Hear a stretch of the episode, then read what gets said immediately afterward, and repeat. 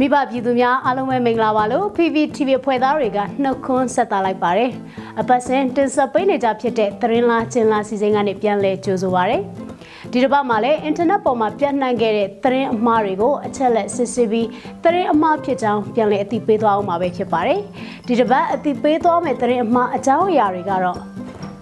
NLD ပါတီကိုမတ်ပုံတင်ခွင့်ဖျက်သိမ်းပြီးပါတီကောင်းဆောင်တွေကိုနိုင်ငံတော်သစ္စာဖောက်ဖျက်မှုနဲ့အရေးယူဖို့စတင်ဆောင်ရွက်နေတယ်ဆိုပြီးအကြမ်းဖက်စစ်ကောင်စီ lobby အကောင့်တုတွေကရေးသားဖြန့်ဝေနေတဲ့သတင်းမှာ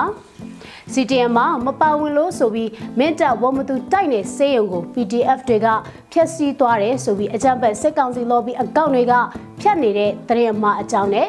PDF တဲဝင်ရောက်လာတဲ့အသက်မပြည့်သေးတဲ့အမျိုးသမီးငယ်တချို့ကိုတရုံနဲ့ထိုင်းနယ်ပချမ်းမှာလက်နက်နဲ့လဲလှယ်နေတာတွေပြုလုပ်နေကြတယ်ဆိုပြီးအကြမ်းဖက်စစ်အုပ်စုထောက်ခံသူတွေကလောက်ကျန်ရေးသားဖြန့်ဝေနေတဲ့သတင်းမှာအကြောင်းတို့ပဲဖြစ်ပါတယ်။ အရင်ဆုံးအသိပေးခြင်းတဲ့သတင်းအမှားကတော့ NLD ပါတီကိုမှတ်ပုံတင်ကိုဖျက်သိမ်းပြီးပါတီကောင်းဆောင်တွေကိုနိုင်ငံတော်သစ္စာဖောက်ပြမှုနဲ့အရေးယူဖို့စတင်ဆောင်ရွက်နေတယ်ဆိုပြီးအကြမ်းဖက်စစ်အုပ်စု lobby အကောင့်တူတွေကနေရေးသားဖြန့်နေတဲ့သတင်းအမှားအကြောင်းပဲဖြစ်ပါတယ်။အဲ့ဒီသတင်းအမှားကိုအကြမ်းဖက်စစ်ကောင်စီအားပေးထောက်ကန်တဲ့အကောင့်တွေကနေဖြတ်နေကြတာဖြစ်ပြီး NLD အကြမ်းဖက်ဖွဲ့ပါတီအား မှတ်ပုံတင်ဘယ်ဖြတ်ပြီးခေါင်းဆောင်ပိုင်းများအားနိုင်ငံတော်သစ္စာဖောက်ပြတော်လှန်ပုံကံမှုဖြင့်အရေးယူရန်စတင်ဆောင်ရွက်နေပြီဟု UEC ဥက္ကဋ္ဌမှထုတ်ဖော်ပြောကြား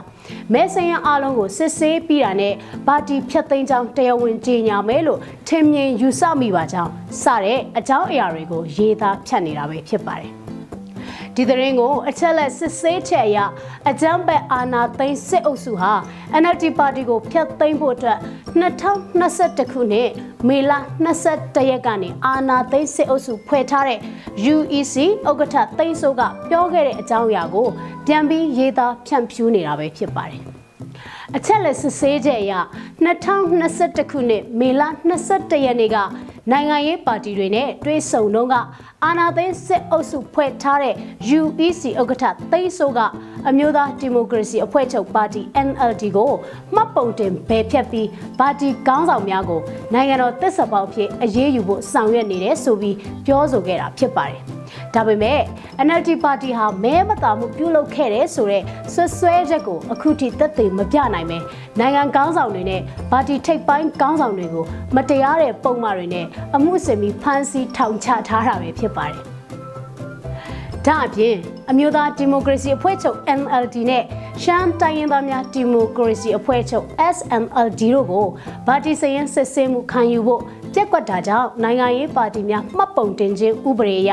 အရေးယူသွားရလိမ့်မယ်လို့အကြမ်းဖက်စစ်ကောင်စီခန့်ရွေးကောက်ပွဲကော်မရှင်ကဖေဖော်ဝါရီ23ရက်ကထုတ်ပြန်ခဲ့ပါတယ်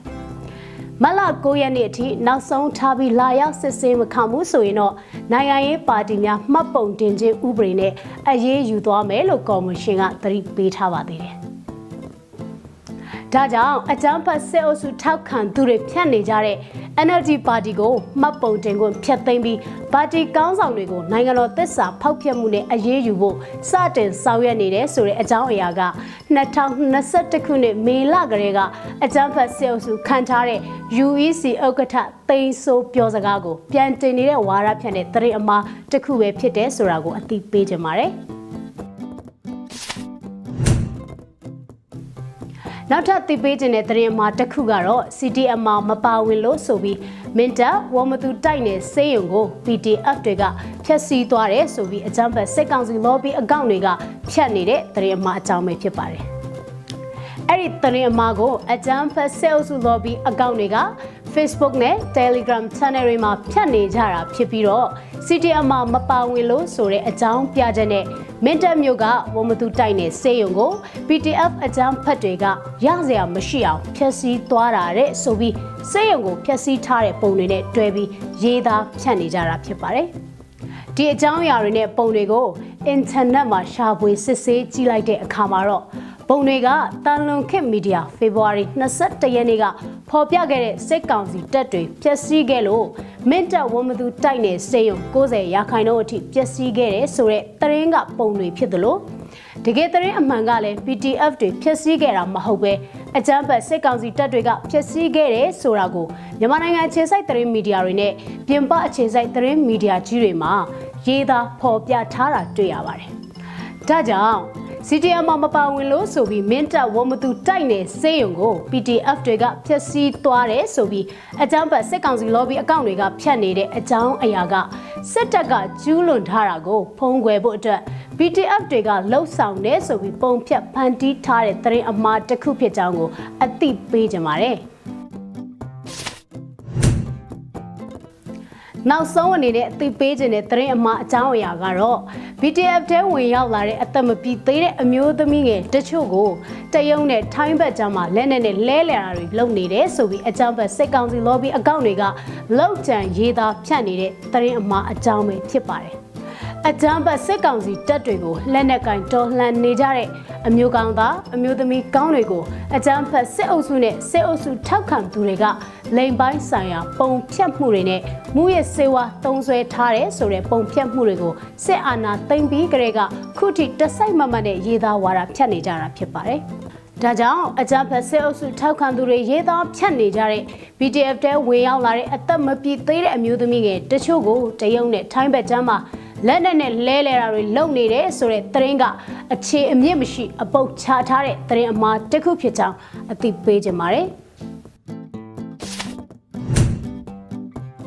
မိဘပြည်သူများအနေနဲ့အင်တာနက်ပေါ်ကသတင်းတွေကိုဖတ်ရှုတော့မယ်ဆိုရင်သတင်းမီဒီယာလုပ်ငန်းစဉ်နဲ့ သတင်းမီဒီယာကျင့်ဝတ်အတိုင်းရေးသားဖော်ပြနေကြတဲ့သတင်းဌာနတွေကရေးသားထားတဲ့သတင်းတွေနဲ့ပြန်လည်တိုက်ဆိုင်စစ်ဆေးပြီးမှယုံကြည်ဖို့ကိုလည်းတိုက်တွန်းလိုက်ပါတယ်နော်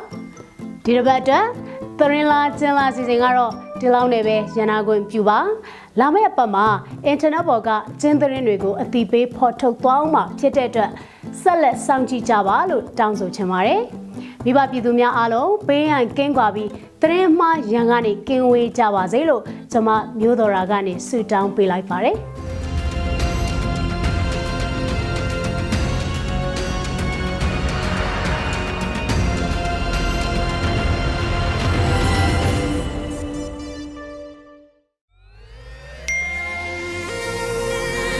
PPTV ကမျိုးတော်လိုင်းရေးဆိုင်ရာအစီအစဉ်ကောင်းတွေကိုရည်စည်တင်ဆက်ပေးနေရရှိပါတယ်။ PPTV ကထုတ်လွှင့်တင်ဆက်ပေးနေတဲ့အစီအစဉ်တွေကို PPTV ရဲ့တရားဝင် YouTube Channel ဖြစ်တဲ့ youtube.com/c/pptv မြန်မာကို Subscribe လုပ်ကြည့်ရှုပေးကြရဖြင့်တော်လိုင်းကိုတစ်သက်တအားဖုန်းမှုပြည်ပေးနိုင်ပြီဖြစ်ကြောင်းသတင်းအောင်ပါလိုက်ပါရရှင်။စိတ်ရကလစ်တွေနဲ့တော်လိုင်းရေးကိုနိုင်တဲ့ဘက်ကထိတ်ဆက်အားဖြည့်လိုက်ကြအောင်ပါ။အရေးတော်ပုံအောင်ရမည်။